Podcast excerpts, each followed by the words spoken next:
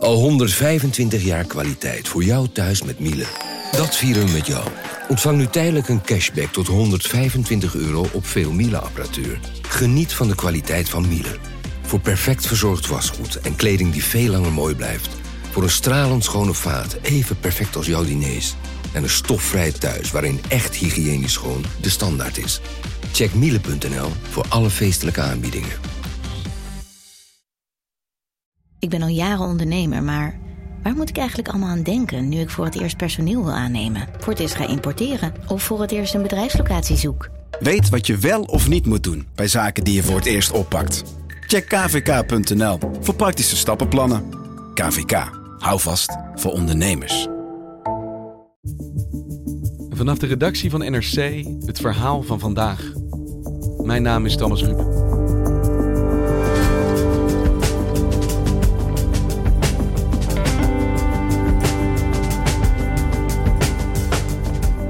Het is een praktijk die in Indonesië lastig blijkt uit te bannen. Psychiatrische patiënten die aan kettingen worden vastgezet. Opgesloten zonder benodigde zorg.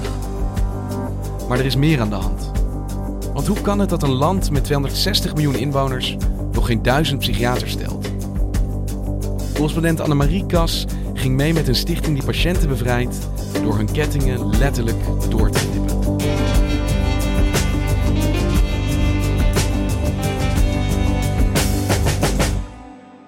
Wij zaten in de auto ehm, een paar uur rijden vanaf Jakarta.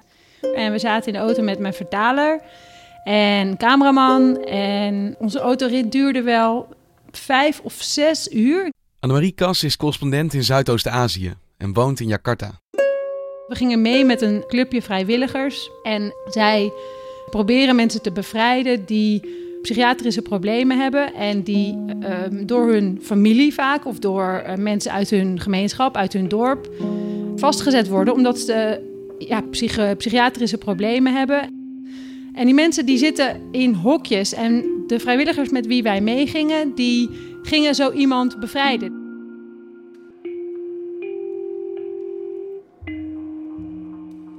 Wij gingen op weg van dubbelbaanswegen naar iets kleinere wegen, naar hobbelige weggetjes.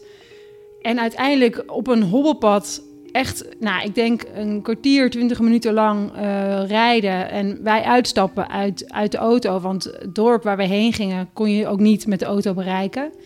En we hebben het laatste stuk gelopen en daar stond een heel dorp stond op, ons, op ons te wachten, want iedereen uit het dorp wist dat we kwamen. En onderaan de heuvel zagen we een, een soort schuurtje met uitzicht over de rijsvelden. Als je niet beter wist, was het best wel vreedzaam. Maar wij liepen daarheen en daar lag dus een man. Maar hij lag te slapen en, en je kon zo zijn hutje binnenkijken, want de bamboemuren waren deels kapot. Dus hij had een keertje zichzelf uh, geprobeerd te bevrijden.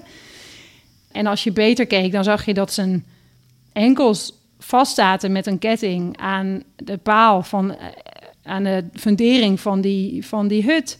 Hij lag vastgeketend. En, en hij lag vastgeketend en hij had drie van die, hij had gewoon een ketting om zijn, om zijn enkels met drie hangsloten. En hoe uitzonderlijk is dat in Indonesië? Dat mensen met zo'n, ja, wat je beschrijft als geestelijke aandoening of problemen, uh, eigenlijk opgesloten worden omdat ze niet weten wat ze anders met ze moeten? Niet zo uitzonderlijk helaas, want volgens uh, mensenrechtenorganisatie Human Rights Watch, die al uh, best een aantal jaar hier onderzoek naar doet, zijn er nu nog ongeveer 13.000 uh, mensen die vastzitten. Dus patiënten met psychiatrische problemen die vastzitten. 13.000 mensen? Onderzoekers, 13, ja. Dus zij zeggen uh, 12.800, dus bijna 13.000. Maar de onderzoekster die ik sprak, zei ook... ja, dat aantal moet bijna wel hoger liggen, want het is typisch zoiets wat je niet rapporteert. Mensen schamen zich, het gebeurt buiten het zicht, dus het gebeurt in die schuurtjes en in dorpen waar geen gemakkelijke toegang is. Dus het is, waarschijnlijk ligt het aantal hoger. Hey, je beschreef dus dat je aankwam in dat dorp en je, je werden daar opgewacht en je werd naar die hut geloodst waar die man in lag vastgeketend. En wat trof je daar aan? Wie is hij? Ja, Hamdan heet hij en hij lag daar een beetje versuft naar mijn idee. En stilletjes uh, onder een dunne sarong te midden van ja, wat bordjes waar ooit eten in had gezeten en afval. En, en er zaten ook kieren in de, in de vloer, de vlonders van bamboe. Ja, daar, daar moet hij zijn behoefte ook ergens tussen gedaan hebben, want het rookt niet heel erg fris. Maar Hamdan zat daar dus al 14 maanden vast. En heb jij begrepen hoe het zover is gekomen dat hij uiteindelijk is vastgeketend? Ja, zij vertelde dat uh, hij steeds meer in de war raakte de laatste jaren eigenlijk. Op een gegeven moment had hij ruzie met buren over eh, welk land wel of niet van hem was. En de buren zagen hem op een gegeven moment ook land, dus rijstvelden, bewerken alsof het zijn eigen rijstvelden waren. Terwijl eh, dat niet het geval was. En met die ruzies werd hij ook steeds gewelddadiger. Dus hij, eh, hij ging op een gegeven moment ook met een bijl dreigen en dreigen om mensen te vermoorden. Dat gebeurde twee tot drie keer, vertelde de buurman. En het dorpshoofd zei: ja, op die manier kunnen we eigenlijk onze veiligheid niet meer garanderen. En vroeger was het een hele normale vent. Dus het, het is ergens de laatste jaren is dat, is dat langzaam omgeslagen. En in het begin, nou ja, het is iemand uit de buurt. Dus ze probeerden daarmee om te gaan. Maar ja, zodra het echt gewelddadig wordt, dan. Toen werd het hun eigenlijk wat te veel. Want waar leidt hij dan aan? Is daar iets over te zeggen? Nou, volgens Noor dus de, de vrijwilliger met wie wij mee op pad waren, leidt hij aan schizofrenie. Volgens mij is het geen officiële diagnose, maar Noor zegt: Ik ken alle patiënten die bij mij komen en 100% ze zijn allemaal schizofreen. Waarbij bij die aandoening krijg je, krijg je ook hallucinaties en um, zie je ook dingen die, die er niet zijn. En jullie waren daar om hem te bevrijden. Is dat ook gelukt? Ja, dat is gelukt. Ze gingen met een, met een klein zaagje, eigenlijk een soort handzaag, gingen ze die drie sloten doorzagen.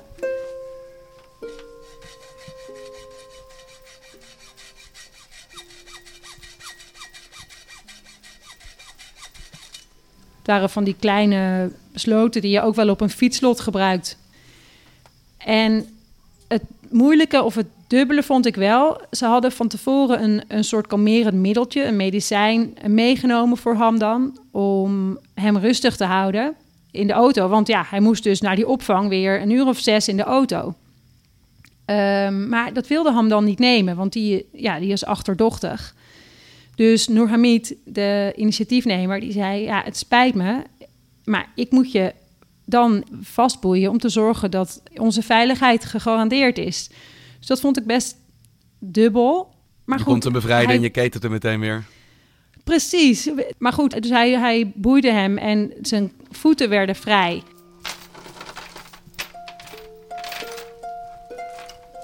En vervolgens naar de auto. Nou, ik denk dat dat nou, nog geen 100 meter lopen was. Maar Hamdan moest wel drie keer, misschien vier keer gaan zitten om uit te rusten.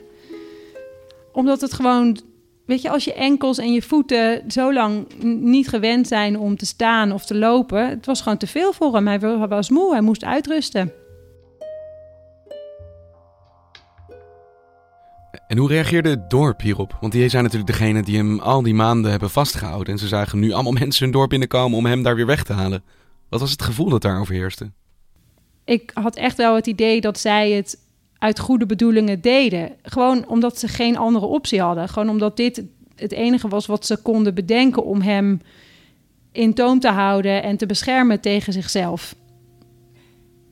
En ze vonden het ook belangrijk dat hij hulp kreeg, want zij zagen ook wel, het hoort niet. Die buurman die wij spraken, die vertelde Ehm, dat hij filmpjes en foto's van Hamdan heeft gestuurd naar het ministerie van Sociale Zaken. Is een van de ministeries die verantwoordelijk is om een einde te maken aan deze hele praktijk. En hij kreeg geen reactie. De enige die nu lang zijn gekomen zijn deze mensen van die, uh, van die kleine stichting.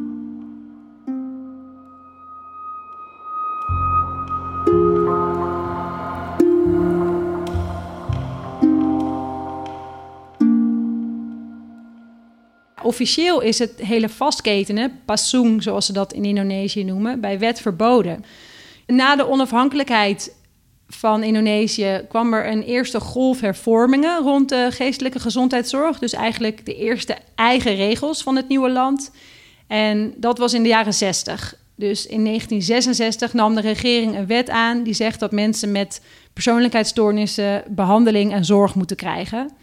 En de wet die vastketenen en opsluiten verbiedt, die werd in 1977 aangenomen en die hoort daar eigenlijk nog bij. Dat is een soort uitvloeisel daarvan. Maar er is dus sinds 1977 al een wet die uh, het vastketenen van dit soort mensen verbiedt. Maar jij zegt dat er nog steeds 13.000 mensen aan een ketting liggen. Dus wordt die wet dan gewoon niet gehandhaafd? In de tussenliggende jaren is er weinig mee gebeurd, of althans is weinig documentatie van. En de volgende impuls was de tsunami in 2004. Er vielen in de provincie Aceh meer dan 200.000 doden. En daardoor was het besef terug: oké, mentale zorg, psychische zorg doet ertoe. Het maakt uit. Dus de overheid greep die ramp eigenlijk aan om de geestelijke gezondheidszorg in te bedden in de gewone gezondheidszorg. Dus de allereerste campagne voor patiënten die zo vastzitten, die was ook in Aceh in 2010. En toen het daar goed werkte, is het eigenlijk daarna landelijk beleid geworden. Dus landelijk is het besef dat dit niet hoort, dat dat niet mag. Toen hebben de landelijke uh, politici gezegd: we moeten dat voor het hele land uitrollen. Alleen vervolgens dat ook uitrollen en vervolgens dat ook echt implementeren, daar gaat het mis. En, en net als in Nederland is ook hier een groot deel van het beleid gedecentraliseerd. Dus uh, niet de landelijke overheid is verantwoordelijk, maar de regio's of de provincies regelen het. Dat geldt ook voor de gezondheidszorg. Dus landelijk kun je zeggen: uh, we willen geen passoen meer, weet je, geen vastketenen meer. Maar als vervolgens de lokale overheden daar niet hun best voor doen en daar niet ook op sturen en zorgen dat mensen hier aandacht aan besteden, ja, dan, dan gebeurt het dus niet.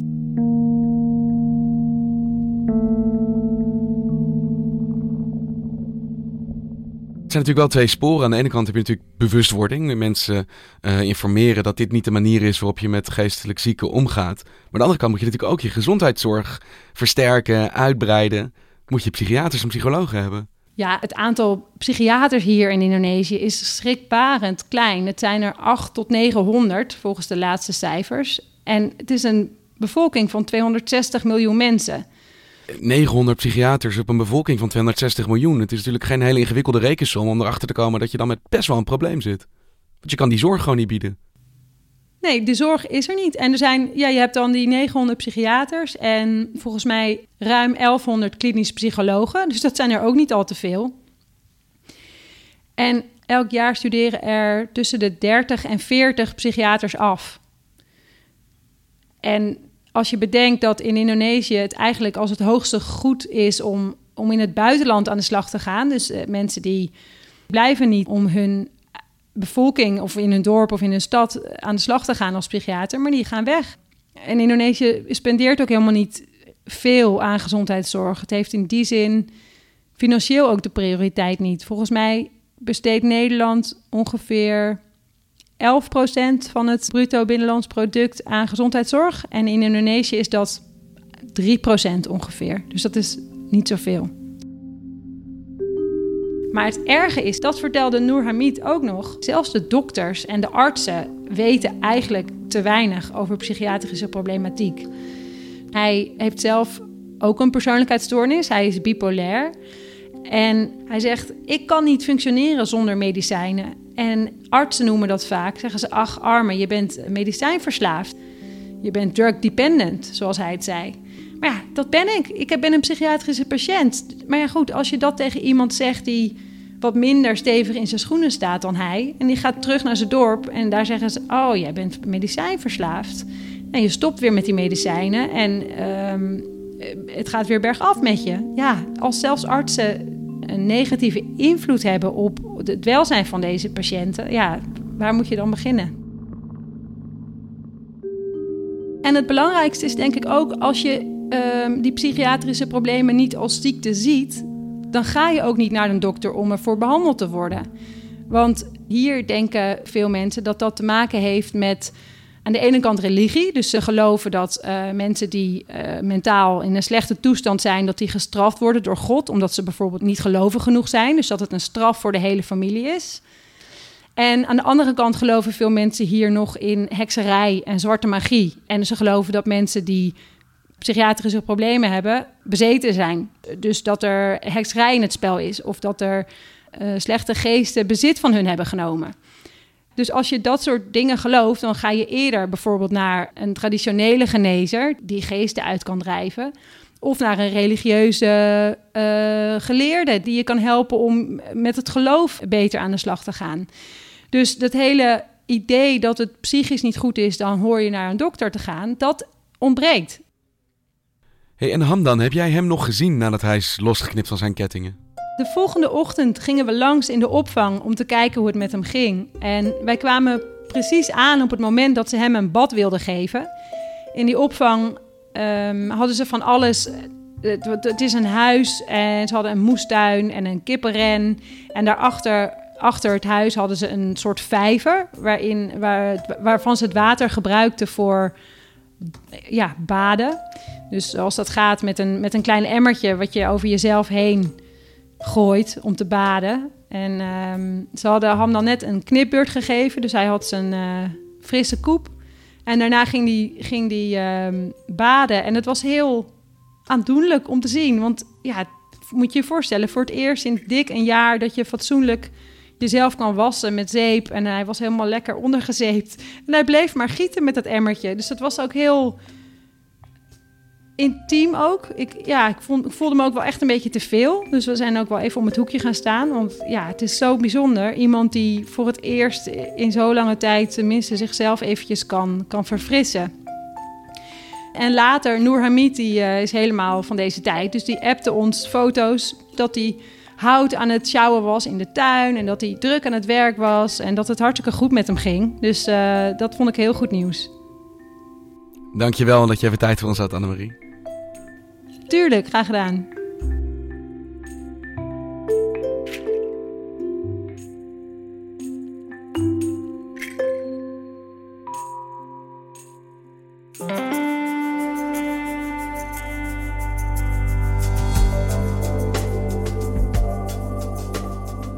Je luisterde naar vandaag, een podcast van NRC. Eén verhaal, elke dag.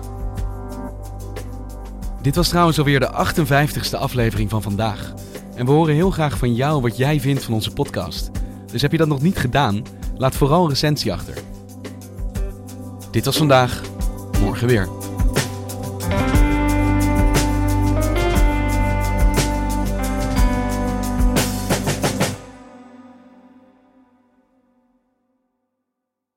Technologie lijkt tegenwoordig het antwoord op iedere uitdaging.